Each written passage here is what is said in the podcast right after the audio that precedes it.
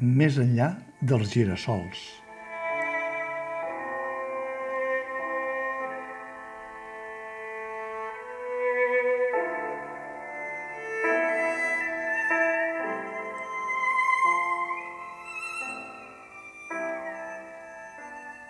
Hi ha grans noms de la història que només pronunciar-los provoquen uns instants de silenci perquè tothom sap que darrere d'ells hi ha sempre alguna cosa que trenca l'esquema ordinari. Un d'aquests és el nom de Van Gogh. No cal ser un expert en art per interessar-se per la figura del pintor del quadre Els girassols. És clar que, parlant d'art, sovint es pot pensar què en seria d'algun gran pintor clàssic si, un cop mort, les seves obres no haguessin batut rècords de cotització en subhastes amanegades per marxants que probablement no han tingut mai un pinzell entre els dits.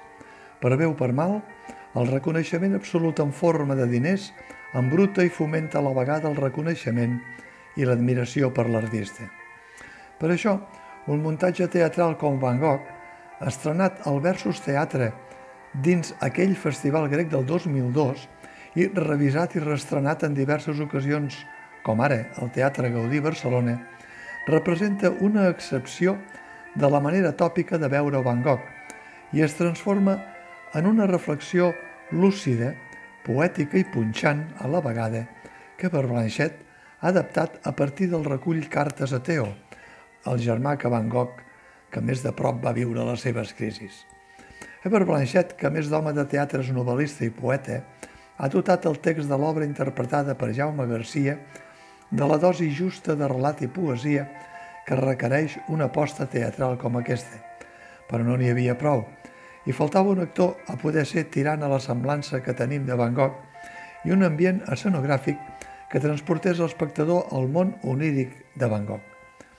Una cadira, doncs, un bastó i una pipa, a més de tres o quatre peces de roba austera pròpia del pintor, se redoneixen amb un espai auster, tenebrós, la suma de tots els colors, per crear una acció pangugiana centrada en l'etapa de la crisi del pintor entre els 27 i els 37 anys. La interpretació escènica, molt aproximada als espectadors, a qui l'actor s'encara per explicar-los el que pensa, posa en boca de Van Gogh la capacitat expressiva de la paraula del pintor amagada darrere la capacitat expressiva de la imatge.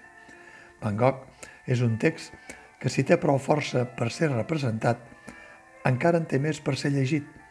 Només cal que un editor, si no s'ha fet, pensi en els avantatges que té aportar a la literatura una semblança de Van Gogh que, a més, podria ser fàcilment traduïda a altres llengües.